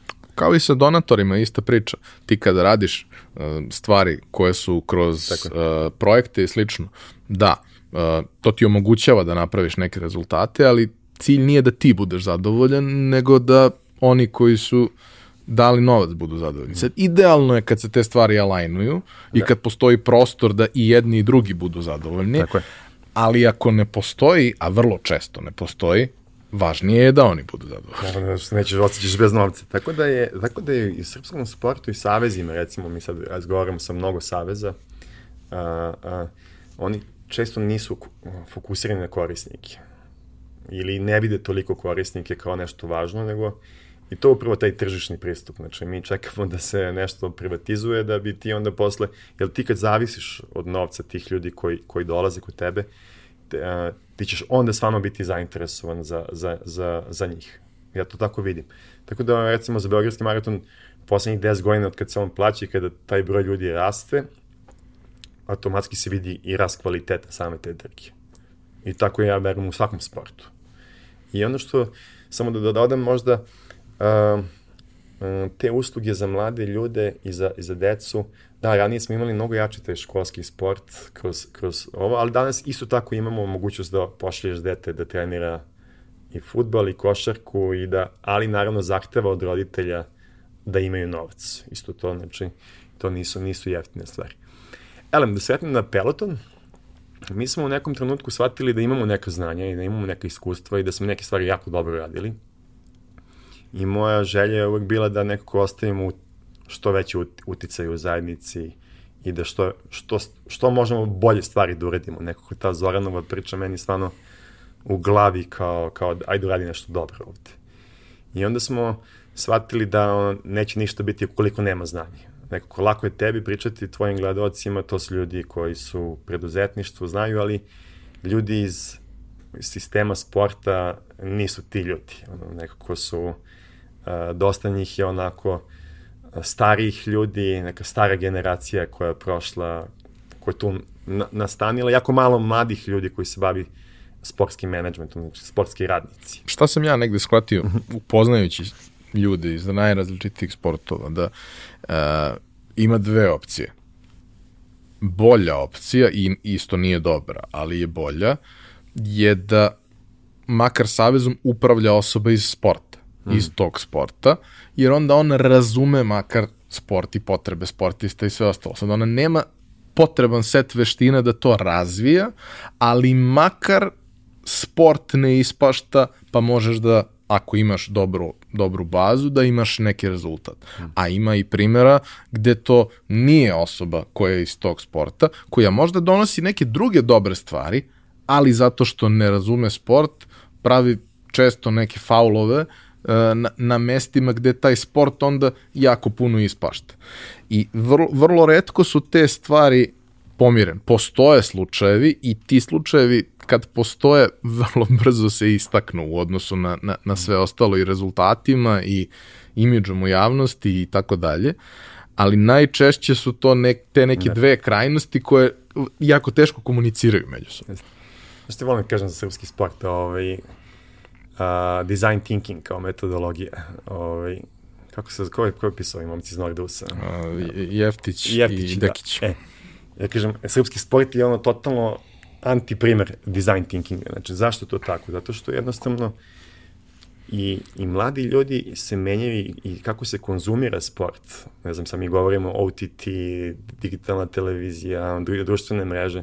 Znači, na, način konzumacije sporta se menja, ali isto tako na, i način participacije. Mladi ljudi koji nije im više ok samo kao dođem, bacim loptu ili mnogo su više i brzi i, i imaju kontakt sa YouTube-om, a ti imaš i dalje trenere koji imaju 70 godina kao šalje faks, znaš, tako da, tako da je, tako da smo mi shvatili uh, da tu ima dosta prostora da se, da, da, da se ostvari da se ostvari neka promena i zato smo napravili Peloton Sports Business Academy.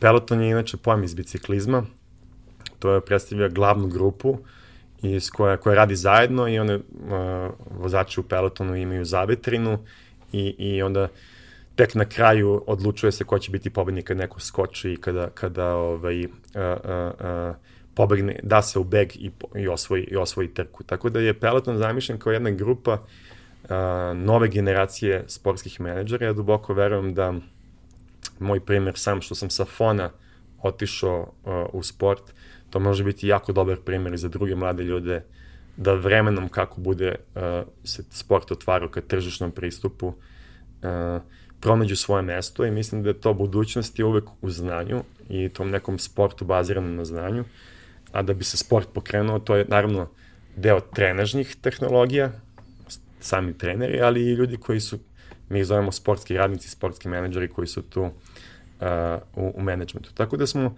smislili uh, set od par kurseva, koji će naravno biti kasnije prošireni sa organizacijom sportskih događaja, sa organizacijom agenture za sportiste, uh, imat ćemo kurs personal brand za, za personalni brand uh, uh, za same sportiste. Znači sad niz znanja iz marketinga, komunikacija, upravljanja sportskim organizacijama, um, takođe wealth management za, za, za ljude koji znači upravljanje svojom imovinom kasnije kada ostvariš neki rezultat, mnogi sportisti su se tu zeznuli, loše investirali ili ostali bez novca, kao socijalni slučajevi na kraju, ono.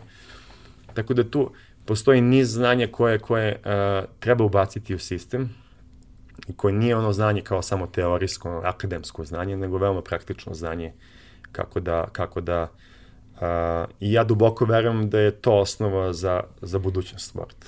Ne znam zašto, ali ja verujem da na taj način može da se menja a, a, i kad mi budemo mogli da razgovaramo na jednom sledećem nivou standarda uh, komunikaciji, recimo da pričamo o P&L-u, da pričamo o forecast, neke financial forecast, kad možemo da pričamo o marketing planu, uh, tad, kad sve to budemo imali, onda, onda uh, mislim da je to, da će to dati neki, neki plod i u rezultatima samog sporta. Ja mislim da kad, kad pričamo o, o trenutnoj situaciji i svemu tome, da, da to o čemu pričaš je neophodno, ali ono što je recimo zanimljivo, što se nadam da, da će toga priča uh, transformisati u, makar u određenoj meri i da ti sada imaš uh, u, u određenom u određenim sportovima što kažu roditelji, ima ti neki sportovi s kojih su neki fini ljudi, ovaj, a imaju i ovi ostali. Ali uh, u određenim sportovima sada već imaš dosta ljudi koji su do, do skoro bili vrhunski takmičari, mm. a sada su intelektualci koji rade razne neke stvari, zavisno od sporta, prihoda, svega, su se okrenuli ka nekim biznisima ili žive nekim poučenim životom ako, ako to imaju kao mogućnost i tako dalje, ali je vrlo uh, interesantno da se zapravo jako mali broj njih opredelio da uh, ostane i potpomaže sport u ko, od koga je ovaj stasao u, u, u, u to što je danas. Ima takvih slučajeva, većina takvih slučajeva da neke lepe rezultate i bilo bi super da takvih slučajeva bude, bude još više, ali recimo postoji tu neki primjeri ljudi koji su uh, upravo poslednjih 20 godina tu baš onako jako upečatljivo, gde zahvaljujući rezultatima, zahvaljujući sobstvenom kvalitetu, prilikama, a i tome da uh, se mogućnost stipendiranja i studiranja u inostranstvu otvorila i za ljude koji nisu olimpijski šampioni ili evropski šampioni, da je, da je doneta jedna neverovatna količina znanja i iskustava iz inostranstva, koje sada može da se primeni na, na jedan potpuno drugačiji način, pa ti sada imaš, što u suštini gotovo da nije postojalo, imaš uh, potpuno kao obaveznu stvar da uh, neka, neka deca sa ok rezultatima i neki ozbiljni ljudi rade sa sportskim psiholozima, rade sa da, koučevima, rade sve te neke stvari, a naravno imaju i metodologiju treninga koja možda nije kao na najboljem univerzitetu jer ne postoje resursi za tako nešto, ali nije ni kao iz 1896. kada su bile prve olimpijske igre. I onda to otvara ovaj, te neke nove mogućnosti. Sad taj, uh, taj studentski, te, te prilike koje ovaj, dobijaš kroz sport da svoje znanje usavršavaš, to je nešto što kao kod nas je počelo da se pojavljuje 90-ih kao, znaš, ima nek neki ljudi su odlazili, bilo je slučajevi pre toga par nekih i košarkaša i, i, i ovaj, u drugim sportovima ljudi je odlazilo na univerzitete, ali to su već bili ljudi koji su bili reprezentativci u mlađim kategorijama i to mm. sve. A ovde, baš u neko vreme naše osnovne škole, smo imali te prve slučajeve kao dečko koga znaš, mislim, dobro je igrao košarku, da, da. ali, znaš, ko u principu ti deluje dostižno da i ti možeš da budeš taj neko. I mislim da taj moment gde ti kao imaš sport kao resurs na osnovu koga se ti izdvajaš u odnosu na ostali, ali ti nisi najbolji, u, u najboljih 100 na svetu o tome, ali i dalje zahvaljujući tome dobijaš prilike koje inače ne bi dobio. Mislim da je taj resurs značajan. Koliko kako tebi to deluje i koliko si ti imao uh, dodira sa tim, jer verujem da svi ti ljudi koji odu i deo njih ostane, deo njih se vrati, donesu sa sobom neka jako dragocena znanja u celu priču.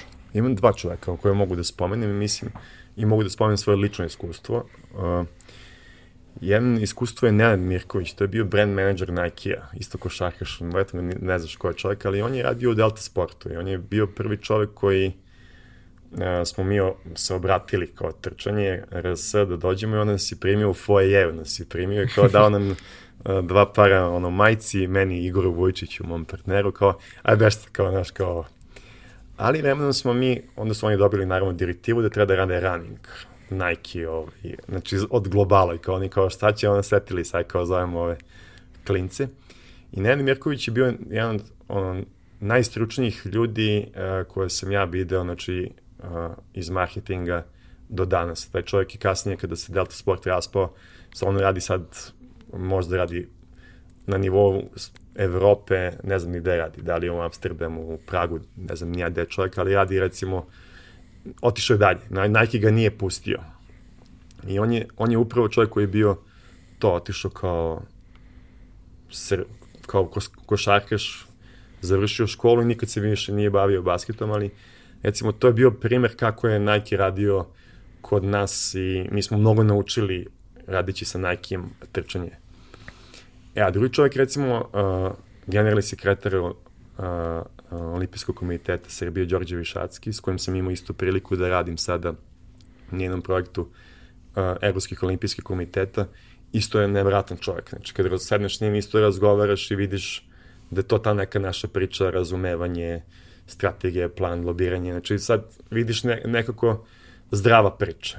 I I to je meni samo onako pokazalo Dobro, Đorđe da... je bio ozbiljan veslaš, olimpijac. Tako je, da, mislim ko ne zna, da. Veslač.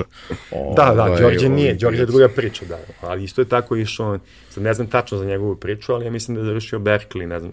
A. Ovi, da, Đorđe je olimpijac, ali on je imao, on je imao i sportske rezultate, da ne, da ne ispadne to, ali je čovek koji najčešće ne treba samo gledati, ja ne volim da kažem dobar sportista, dobar menadžer. Ne, nije. Čak mnogo često puta ti kao vrhunski sportista toliko, toliko ono kao radiš na tom sportu da ti ne stigneš ni da se školuješ i da u tom smislu da, jesi dobra figura kao predsednika nekog saveza, ali uvek moraš da imaš i nekog operativca koji ide za tobom i koji, koji te prati, tako da, ali on je dobar primer kako je čovek spojio te dve stvari.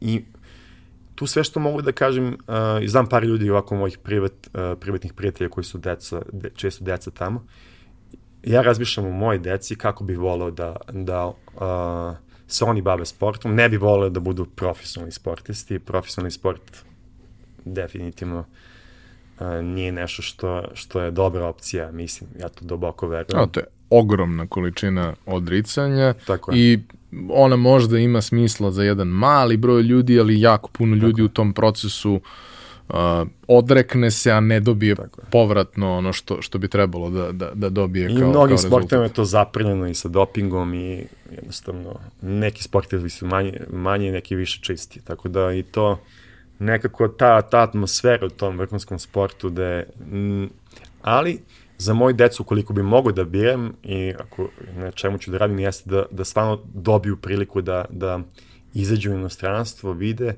i da nauče nešto. Mislim da je to jako dobra stvar. Jako dobra stvar. E, kao trkač, dobro, sad više ne toliko, jeli, ovaj, aktivan takmičarski i tako dalje, ali, ali aktivan i dalje. E, pominjao si Lisabon, pominjao si Ljubljanu, ja znam baš mnogo ljudi koji su išli u Ljubljanu. Da. To je nekako svakome ko završi u Beogradu neko takmičenje. Sledeća stanica. Ovaj, sledeća stanica jer je dovoljno blizu da. i uvek ima društvo i uvek ima uh, rešenje za to, ali uh, šta su, pominjao si da si obilazio neka zanimljiva mesta i neke zanimljive gradove, šta ti je to što, ti, što je na tebe ostavilo najjači utisak pored Ljubljane i celog iskustva koje si imao sa, sa turom koju ste vodili tada? Pa, znaš šta, evo, evo to, to u Berlinu me bio fantastično, zato što su se skupili svi ljudi iz celog, celog sveta trkača. Ba, ba, da. Berlin je baš onako da. gentrifikovan. E, da, da, da, znači, ali, ali taj moment da ti shvatiš da si deo neke zajednice, da te neko prihvata uh, skroz ok. Ono. Znači, nema, ne, tu, tu nekako, naravno, nema razlika. Znaš. Tako da mi je to bilo, to mi je bilo nevero, neverovatna stvar da, da se osjetiš da, da možeš da... I onda je Burt to uh, napravio jako bolje. Znači, još bolje nego nas. Oni su to, to podigli na sledeći nivo. I onda su ono palili baklje ovde, ne znam koliko se ispratio to. Uh -huh. I stvarno su dovukli ljude iz celog, iz cele Evrope, iz Amerike su dovukli, dovukli ljude u Beogradu. To je bilo nevratna stvar i to je na čisto toj energiji i na toj energiji trčanja.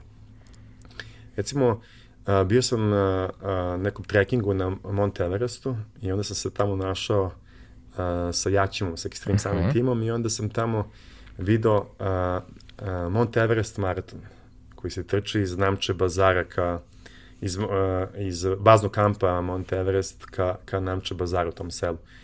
To mi isto bilo nevjerojatno kao, kao, kao wow, kao evo, evo je trka ovde, to je ono 50 ljudi, znaš, koji su tamo. I onda sam bio, moram tu da dođem, znaš, nekada da istrčam tu trku, znaš. I ima mnogo predivnih trka koje su, nisu samo kao maratoni po svetskim gradovima, nego ima predivnih trka koje su uh, kao što su ove naše trail trke, sky running, trke koje se koje možda otkriješ celu Srbiju, ali recimo u Hrvatskoj fantastične trke. Možeš da otkriješ neka mesta koje ne bi sigurno otišao ovako, a, a, a, a, a mogu bi da doživiš neverovatno iskustvo. Tako da svaka trka, ne znam gde sam sve bio, ono, Pragu, Bratislavi, ono, u Pragu ti Čajkovski svira na startu, znaš, ono, kao, ovaj, ne, mislim, svaka trka je predivna u Estoniji, u Talinu sam, uh, spostavila se da moj uh, deda je bio u nekom logoru u Talinu, znaš, pa smo tamo su nas ovi vodili. Uh, I, i, i gde god da odeš ti na, kroz to trčanje uh, uh, možeš da upoznaš puno ljudi koji su totalno otvoreni za, za, za, za razgovor, a plus naravno vidiš i grad kao svoj, tako da eto, ne, malo si me zatekao sa pitanjem, ne znam tačno šta bi ti rekao, ali gde god ti imaš mogućnosti da pričaš sa tim lokalcima, ne budeš samo turista. Eto, tako bih rekao. A, ono što se takođe desilo, uh, kroz sve ovo što, što i vi radite i, i, i vaše kolege rade u, u tom celom procesu, je da smo mi imali Beogradski maraton i ja se sećam kad sam bio klinac da je bio big deal Beogradski maraton i tako dalje. Ovaj, ali da mi sada imamo zapravo situaciju da jako puno gradova i u Srbiji i u regionu se aktivira u tom smislu. A, naravno sad maraton je nešto što zahteva određene dimenzije grada da bi, da bi imalo nekog, nekog malo većeg smisla. Ovaj, ali je činjenica da, da stvari postaju žive i da se tu dešava dosta nekih uh, aktivnosti. Ok, korona je prilično to sve blokirala, ali čini se nekako da idemo ka nekoj normalizaciji ovaj, uh, života kad je to u pitanju. Uh, šta tu imaš da podeliš od nekih zanimljivih lokalnih priča, mm. jer verujem da postoji mnogo ljudi po Srbiji koji kada ovo slušaju njima je to sve interesantno i super, ali ne mogu sebe da zamisle mm. jer kao u njihovom gradu to nema, Ili ali vrlo verovatno ima. Da. Pa neverovatna stvar se desila, odlično si ovo primetio, poslednjih bukvalno pet godina, kad smo malo ono, probili ono kao inovacija, difuzija inovacije, pa imaš oni early adapters, pa imaš oni gap, pa first majority, pa uh, bukvalno svakom gradu je nastala trka. Znači, polumaraton ili maraton. Lokalne samouprave su shvatile da je to odličan način da privuku turiste i shvatile su da uh, uh, je odličan način da angažuju uh, da angažuju lo, lokalnu zajednicu da, da bude, se bavi sportom. I šta se desilo? Taj maraton je uvek deo gradske kulture, zato što tu učestvuje neka škola sa volonterima, tu učestvuju neki roditelji koji sada rade negde pa su tu došli da trče, tu su lokalni kafići koji taj dan rade. Tako da se desilo da smo mi proteklih pet godina imamo onu ekspanziju trka po Srbiji, od on, Kruševački, Jagodinski, Čačanski polomaraton, pa ne znam ja. Znači, a plus i ove skyrunning trke koje Marko Nikolić jako lepo radi I onda uh, i te trail trke. Onda imamo te obstacle course races, o, OCR, to su ove trke sa preprekama, to je krenulo od Tribali, Tari, ima dole Jerma. I nekako smo postali aktivnije nacija. I, i, I ono što se dešava, jesu su svi, svi ti ljudi koji rade na te trke nekako došli iz trčanja. Najčešće su to ljudi koji stvarno vole trčanje, bili su, videli su i rekli ajmo napravimo to u svom gradu. Ko virus se širite? Apsolutno, ja baš sam napravio sad ovaj, baš sam napravio ovaj, tu paralelu, baš kao virus, znaš, ovaj, samo što to je jedan spontani virus, jedan virus koji nije onako pompezno najavljen i koji, ovaj, i koji je jako pozitivan. Um, tako da se dešavaju te trke, a same trke, ovaj kažem, to je mogućnost ljudima da, da slave trčanje i mogućnost ljudima da budu motivisani dalje.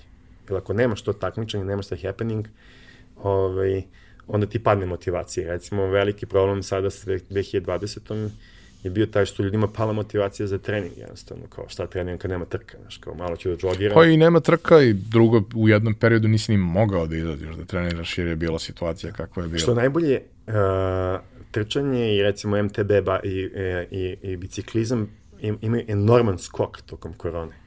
Zato što ljudi koji su ono kao igrali basket, kao nisu imali basket i kao šta ću idem da istrčem. Teretana ti nije radila, šta ću, ajde da istrčem. Tako da ovi, to je zanimljivo, ali nije bilo tih trka da kažeš da se ti onda trenažno spremaš po programu, nego izađeš napolje i žogiraš. Tako da su nastale te trke i to je jako, meni onako, to je najveći uspeh naš kao, kao eto kažem, trčanja, da smo, da smo, da smo izašli iz gradova. Jer nama su, kao trčanje, jer su non stop su nam ljudi pisali kao što ste samo u Beogradu, kao što ne dođete kod nas. Ja sam rekao, kako mi da dođemo kod vas u... A mi smo iz Beograda. Mi smo iz, ja to, ne mogu da dođem sad da pravim maraton u... E, i onda se, onda su ljudi krenuli da organizuju i klubove, i trkačke grupe, i evo sad imamo čoveka u Niš Running Club, Đorđe Anđelković, koga mi savjetujemo, koji je napravio to.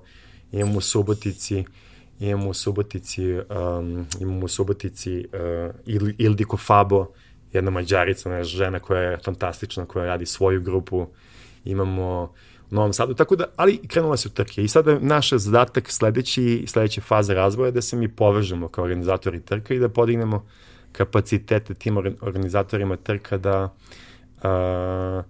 da naprave bolje trke da budu održive, jer trenutno je to sve i dalje hobi tim ljudima i onako skupe se, organizuju događaj i, i to je to. A ima mnogo dobrih primjera da to može da bude uh, jedna full plata čoveku koji će onda da stoji tu i da razmišlja o trci cele godine i da širi trčanje po, po lokalu i kad to budemo uspeli da u svakom gradu postoji uh, jedna plata napravljena za to, mislim da je to ono sledeći skorak ka trčanju. Mislim da je to jedna lepa inicijativa koju treba podržati i mislim da je to nešto o čemu treba da pričamo i da će zato što pričamo se pojaviti i neki novi ljudi, a i neki stari ljudi će dobiti dodatnu, dodatan boost motivacije da ostanu u tome svemu. A, hvala ti što si podelio svoju priču. A, najiskrenije se nadam da ćeš i ti i, i slični ljudi nastaviti da pravite promenu, jer nikad se ništa nije desilo, a da neko nije pre toga doneo neku ne nužno uvek prijatnu odluku i izdržao da istraje u celoj priči. Mm.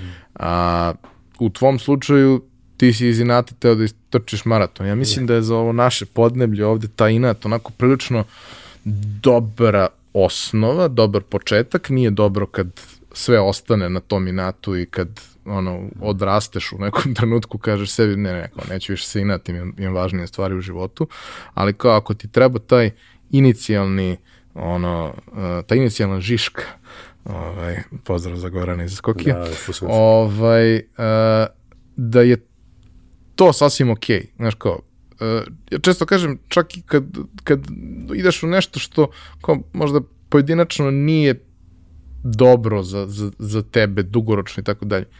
Kao, je li donelo dobre stvari kao posledicu? Onda je bilo dobro. Jesi se ti iznervirao pa si odlučio da promeniš, jel si se posvađao sa nekim, promenio svoj život na bolje, pa to je najbolja stvar koja je mogla da ti se desi. Mm -hmm. Ove, ovaj, tako da taj inat u tvom slučaju očigledno ove, ovaj, nije, nije bio loša stvar.